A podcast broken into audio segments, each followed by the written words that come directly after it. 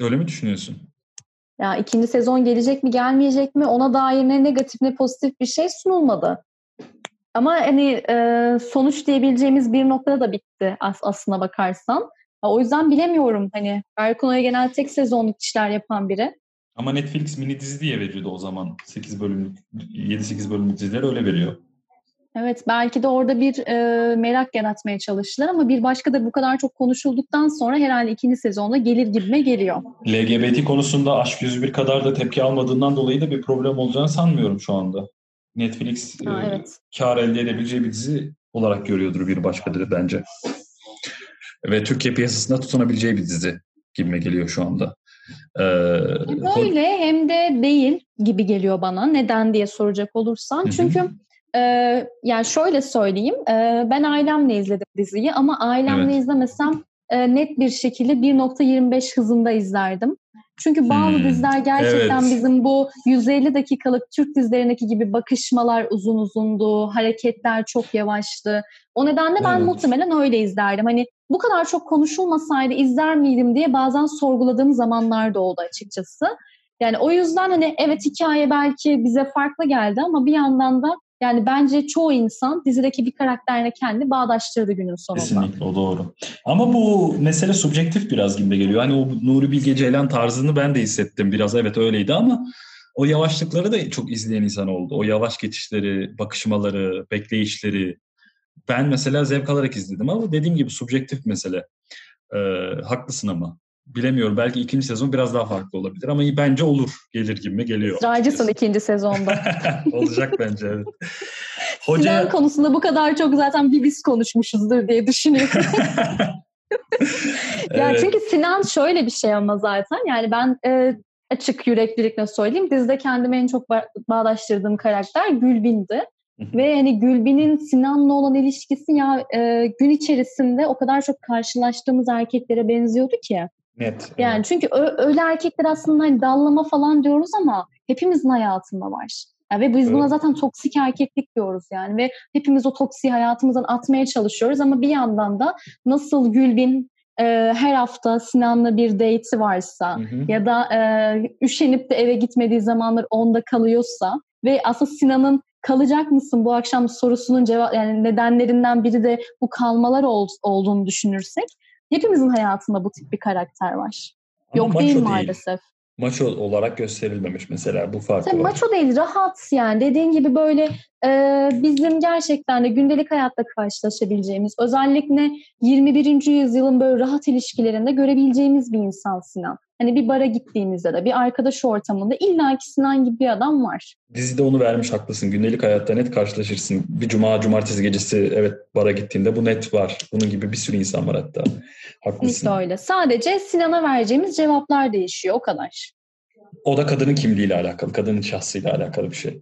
Orada ya tabii ki öyle. Hani Melissa Sinan'da ne buluyor mesela? İşte güzel zaman geçirmiyor ama en azından günü geçiriyor. Onu görüyor. E, Gülbin ne görüyor seni ciddiye almıyorum küsecek kadar demişti ya. Ben de orada çok Kesinlikle öyle. Yani bence Sinan bunu hak ediyordu zaten. Kesinlikle. Gülbin onu. Görüyor. Tabii Gülbin de bazen şey görüyor hani aslında ilişki de olabilir ama olmayabilir çünkü konuşmuyor adam karşısında. Hep ondan bir şeyler anlatmasını bekliyor. Yok abi konuşacak ama, bir şey yok adamın. Adam bir evet, şey söyleyemez. Bir adam, boş bir adam çünkü. Bomboş ama Meryem adam. de bir şey görüyor bu adamda. Meryem o çok ilginç hayatına aşık oldu. O o dediğim gibi rüya tarzında işte öyle rezidanslarda kalıyor. Kocaman bir evi var. O tarz bir hayata aşık olmuş olabilir. Bilmiyorum gerçekten. Ama Meryem eğer öyle bir şeye e, aşık olsa tutup da hocanın yardımcısının e, jestleri onu o kadar etkilemezdi. O yüzüğü görünce tekrardan bayılmaz. Yani öyle bir hayat isteyen biri de bu tarz şeyleri de tercih etmezdi gibi geliyor bana. Aslında belki de Meryem'in e, Sinan'da gördüğü şey şuydu. Kimsesi yok, yalnız ve o an ona ihtiyaç duyuyor. İşte o kek yaptığı zaman ne kadar Melisa yese bile onun yediğini zannediyor ve ona sürekli aynı keki yapmaya başlıyor. Ya orada da ben bir hasiktir oldum zaten. Adam hiç keki yemiyormuş anlıyor musun? Keki yemiyormuş. Sevmiyormuş. En acı yanı o zaten. Evet. Sevmiyormuş.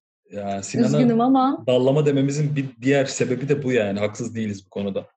Açıkçası. Kesinlikle. Sinan'a, Sinan'a dallama diyen herkesi buradan selamlıyoruz. Hiçbirimiz haksız değiliz. Evet Meryem'in... Yani çünkü psikiyat... dallamadır kendisi. Psikiyatrise gitmek için e, danışmak zorunda kaldığı hocası var. Buna değinmek isterim. Evet. Settar Tanrıören'in canlandırdığı. Evet. Ee, hoca ve hocanın küçük ailesi, çekirdek ailesi zaten az önce kızına da değindik. Ee, lezbiyen olduğu net paralel bu paralel yani mütedeyyin hayatın paralelinde lezbiyen bir kızı var. Aslında o hayatın paralel bir hayatı var. Aynı ailenin içinde farklı bir tarz. Konya'da okumuş. Ee, kendini belki de orada kabullendi. Konya'da kabullenmesi de Türkiye gerçeğini ayrıca ters. Bunu da söylemek isterim yani. Konya gibi bir coğrafya için bu çok fazla olur belki. Ee, onların hayatı nasıl kesişiyor? Mesela Meryem'in bir abisi var. Fatih Artman'ın canlandırdığı biliyorsun. E, öfke problemi olan bir adam. Öfke patlamalarına zaman geleceğini bilemiyorsun. Ee, tabii çocukken uğradığı tecavüzün travmasının üzerinden atamamış olan rüyalar, halüsinasyonlar gören Ruhiye var. Funda Er Yiğit'in canlandırdığı ve aralarında zorlu bir ilişki var. Buna e, değiniyor. Sonra bu kadın bir gün evden kaçıyor. İşte tecavüzcünün öldüğünü zannedip köyüne gidiyor. Halbuki tecavüzcü ölmemiş. Fatih Artman'ın canlandırdığı karakter onu gidip dövmüş ve öldüğünü söylemiş karısına. Köye gittiğinde dönüşünde bunu söylemiş. Böyle bir hikaye var. Tabii kısaca yani 90'lardan 2020'sine uzanan Türkiye'nin bir özetiydi dizi. Bunu herkes söylüyor. Biz de burada yinelemiş olalım. Bu kesin. Ee, bu anlamda söyleyecek olursak o 90'ların e, Türkiye'sinin 2020'ye geçişteki o bohem hala da devam ediyor Türkiye'nin bohemliği. Filmin rengiyle de yansıtılmış. Şimdi işte Instagram'da efekt olarak da var. E, bir başkadır efekti. E, bohem bir rengi var. E, zaten filmde o renkte çekilmiş. E, senin için bu bağlamda bir başkadır nasıl tamamlanır? Benim için bir başkadır Türkiye diye tanımlıyorum. Ama sosyal medyadakiler bir başkadır memleketim demiş. Sen nasıl tanımlıyorsun? Bir başkadır nasıl tamamlıyorsun? Ee, bir başkadır memleketim olarak bağlarım ama e, memleketimden insan manzaralarını da eklerim alt başlık olarak. Evet. Çünkü gerçekten bize memleket yani memleketten e, farklı insan tiplerini gösteriyor. Ama biz yandan o insan tipleri birbirine çok benziyor ama aynı zamanda birbirinden ayrışıyor da. Yani iki e, ikilem aslında bir nevi baktığın zaman ikisini bir arada barındırıyor. Ve bu bir başkadır meselesi aslında diğer memleketlerinden memleketlerden mi farklı yoksa içinde bulunan insanlar mı birbirinden farklı sorusunu da getiriyor. Çünkü dizi e, aynı zamanda bizi benzerliklerimizden vuruyor. Bir yandan da farklılıklarımızdan. Ya bu iki klik bence çok önemli. Haklısın. Ee, Türkiye mozaiği diyebiliriz buna. Kesinlikle öyle. Doğru. Ee, tabii çok tartışılan bir iki konuya da değinelim e, yeri gelmişken. Bu bahsettiğimiz Ruhiye'nin e, tecavüzcüsünün Kürt olduğu konuşuldu. Öyle zan, öyle öyle bir zan var insanlarda. Ee, hani şöyle dendi. Buna ne gerek vardı ki? Olay Ege'de geçiyor. Niye bir göçmen tecavüzcü e, formatında bir rol var orada? Niye bir Kürt kimliğinde tecavüzcü var? Buna ne diyorsun? Ya bu da sanırım e, o dediğimiz homojenleştirme mevzusuna dayanıyor. Yani bizim onu düşünmemizi istiyor aslında yönetmen. Yani belki öyle değil, öyle de olmayabilir. Çünkü bu konuda da fikirler birbirinden farklılaşıyor. Yani diyorlar ki Kürt olduğunu nereden çıkardınız? Buna dair bir e, yansıma yok diyorlar. Ama biz Türk dizilerinden hep ne görüyoruz? Eğer bir karakter e, kötü bir şey yapıyorsa, kırık bir Türkçeyle konuşuyorsa ve hani daha yoksulsa o bir Kürt karakterdir ya da göçmendir. Ya bunu görüyoruz. Türkiye'de de e, doğudan batıya kimler göçtü diye konuşuruz olursak eğer de bunlar genelde Kürtleri oluşturuyor. O nedenle dizi e, yani kötü niyetli demek de istemiyorum ama bence e, maalesef ki bu kadar kutuplaştığımız bir ortamda iyi niyetli olarak da okuyamıyorum ben bunu. Ne evet. gerek vardı diyorum. Yani o nedenle de bir başkadır. E, Kürtler için farklı, Türkler için farklı diyebilirim aslında. Reklamın iyisi kötüsü olmaz diyerek mi koymuşlar? Hani olumsuz konuşan da çok olacaktır ama biz biliniriz bu şekilde mi demişler. Bilemiyorum belki.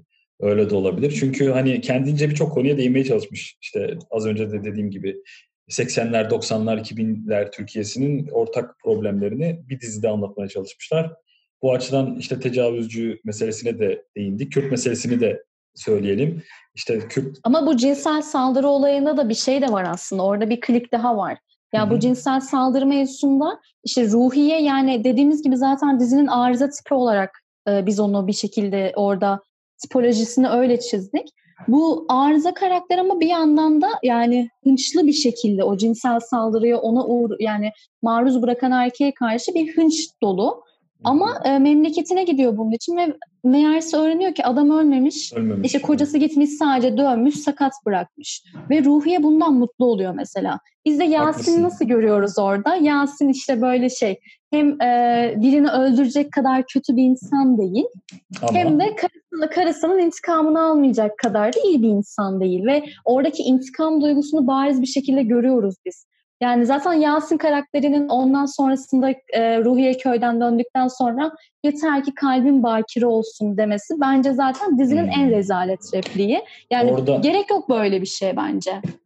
Orada e, tecavüzcüsüyle evlendirilmiş e, bir kız var. O zaten Ona ayrı bir mevzu. Lazım. Hani evet. evet kesinlikle bahsedilmesi gerekiyor. O karakter hani biri evlendiriliyor, biri daha sonrası gidiyor başkasıyla evleniyor ama bütün e, evliliği boyunca o travmaya hala yaşamaya sebep oluyor. Yani bir travmayı bir travmayla kapatmak da aslında burada bir anlam ifade etmiyor ama hani e, herhalde Berkuno'yu öyle çizmek istemiş. Böyle de bir gerçek var ama e, biliyoruz ki Türkiye'de maalesef. Tabii. Bunu Maalesef bil, var. Bunu da bilmek lazım. Belki de onu vermeye çalıştı zaten Berkuno. Yani siz ne kadar bunu istemeseniz de yani izleyiciye şunu demiş olabilir zaten orada. Siz bunu istemiyorsunuz, siz buna karşısınız ama bu bir Türkiye gerçeği. Bunu da demiş olabilir. Kimlik karmaşası var. Ona değinmiş belki biraz da. Haklısın. Evet. E, Kürt ailede de kimlik karmaşası var. Seküler ailede de kimlik karmaşası var. Mütedeyinlerde de var. Yani hepsine değinmiş biraz biraz. Ama birçoğu açık, e, açık havada kalmış. O mesela özellikle Kürt meselesi bence havada kalmış. Tam olarak tamamlanmamış. Belki ikinci sezonla onu tamamlarlar. Onu bilemiyorum. Hı hı. Bana bakarsan yani bana göre tamamıyla işlenmeye çalışılmış, üstten geçilmiş, teğet geçmiş. Hani 2008'de ekonomik krizin Türkiye'ye teğet geçmesi gibi olmuş. Çok fazla üzerine düşünmemiş. Bence daha detaylı işlenebilirdi. Hani ne öyle bir söz vardı şimdi aklıma gelmiyor. Ee, ne şey yansın ne şey yansın diye bir söz vardı. Neydi o? Sen biliyorsun ben belki. Folklorik olarak ben de bilemedim şu an. Ee, et diye süt diye karışmamış çok. Evet. İsmini geçirmiş. Öyle. Ya bir de şöyle bir şey var. Hani senin ilk başta da belki e, değindiğin gibi yani evet dizi bize o 90'ların sonu 2000'lerin başındaki görüntüyü renklerle dahi sunuyor ama hı hı. aynı zamanda bence e, o dediğim gibi ya benim için bu diziyi bir kelimeyle e, tanımla diye soracak olsalar ben kutuplaşma derdim. Yani ama şu kutuplaşma da şöyle bir şey de var mesela karakterler üzerinden ben bunu anlatacak olursam mesela Peri e, Meryem ilk geldiği zaman e, donuyor kalıyor sonra terapistine gidiyor ve e, aslında içinde nasıl bir öfke olduğundan bahsediyor. Çünkü e, uzun zamandır hani sadece hizmetçileri o şekilde kapalıymış. Onun dışında kapalı bir insanla karşılaşmamış. İşte ki Türkiye'de yaşayıp da gündelik hayatın içerisinde bir kapalı yine karşılaşmama ihtimali yani dizinin gerçekten gerçeklikten kopuşanlarından biri aslında bakarsan. O nedenle oradan şey görüyoruz mesela Peri e, Meryem'e karşı aşırı öfkeli, aşırı sinirli. Ama mesela Meryem e, Peri'ye börek yapıp getirecek kadar da iyi bir insan. Ya burada şunu görüyoruz aslında hani bu e, siyasal İslam dediğimiz şeyin aslında Türkiye'ye girişini görüyoruz. Yani siyasal İslam'da çünkü ilk Türkiye'de 2000'lerin başına girdiğinde neydi? E, başörtülü kadınlar örneğinden verecek olursak başörtülü kadınlar 28 Şubat'tan dolayı üniversitelere girememişti. İşte gündelik hayatın içinden evet. dışlanmıştı. Eğitimden yoksun bırakılmıştı. Bu nedenden dolayı e, bir geri kalmışlık söz konusuydu. Ama ondan sonrasında belki Gülen karakterinde gördüğümüz gibi o kadınlar geri döndü ve toplum içerisinde güçlü karakterler haline geldi. Ama Meryem hani hem o sistemin içinin içinde olup hem de sistemin dışında kalabilecek kadar iyi. Ama biz aslında şu an Türkiye coğrafyasında bunu görmüyoruz. Tam tersi 28 Şubat'ı yaşayan insanlar kendileri iktidara geldikleri zaman da bir intikam duygusu güttüler. Maalesef. Evet. Yani aslında Peri'nin Peri'nin laikliği ve sekülerliğine baktığımız zaman mesela o yalı sahnesinde ailesinin sürekli Yılmaz Özdil, Halk TV evet, izlemesi evet, ve evet. Peri'nin orada yeter artık Özdil'i izlediğiniz demesi. Evet. Ama dönüp baktığınız zaman o Gülan'ın orada kardeşine işte böyle e, eşinden ayrılmışlığına ezmeye çalışması, işte onu yalnızlığından vurması. Yani ikisi aslında şey hani Peri nasıl laik seküler kesimin nefretini, öfkesini gösteriyorsa aslında Gülen karakteri de aynı şeyi gösteriyor. Yani o dağdaki arkadaşların mı öğretiyor sana bunları diyor mesela. Evet haklısın. O noktada yani çok önemli. fazla hani o aslında biz diyaloglara çok fazla takılmadık. Hani genelde böyle yorumlayanlar, üzerine yazı yazanlar da diyaloglara takılmadı ama o diyaloglarda aslında o sistem karmaşasını ve kimin çok sistemin dışında kaldığını Hı tabii kimin sistemin dışında kaldığını, kimin sisteme entegre olduğunu o diyaloglardan çok net bir şekilde Berkuno'ya bize anlatabildi. Evet. Yani herkesin kendi hayatına göre çıkarım elde edebileceği diyaloglar. Doğru. Kesinlikle Haklısın. öyle. Sanırım pek çok detayla değindik e, evet. diziye. Bu bağlamda... Yani en son baktığımda üstüne yazılmış 70 küsur yazı vardı. Her gün yazılıyor. O nedenle az bile konuşmuş olabiliriz. Evet çok doğru ama e, Twitter'da söylenen yazılanları kitap haline bile getirebilirsin o kadar çok. Üzerine tez yazılır yakında yazılır, zaten. Hemen bir tez çıkar. 1980'den evet, beri yazılıyor aslında da konularla alakalı. Bu dizinin özelinde yazılabilir doğru haklısın. Yani sosyologlar yaşadı diyoruz. doğru. Peki teşekkürler. Görüşmek üzere. Ben teşekkür ediyorum. Güzel bir sohbetti.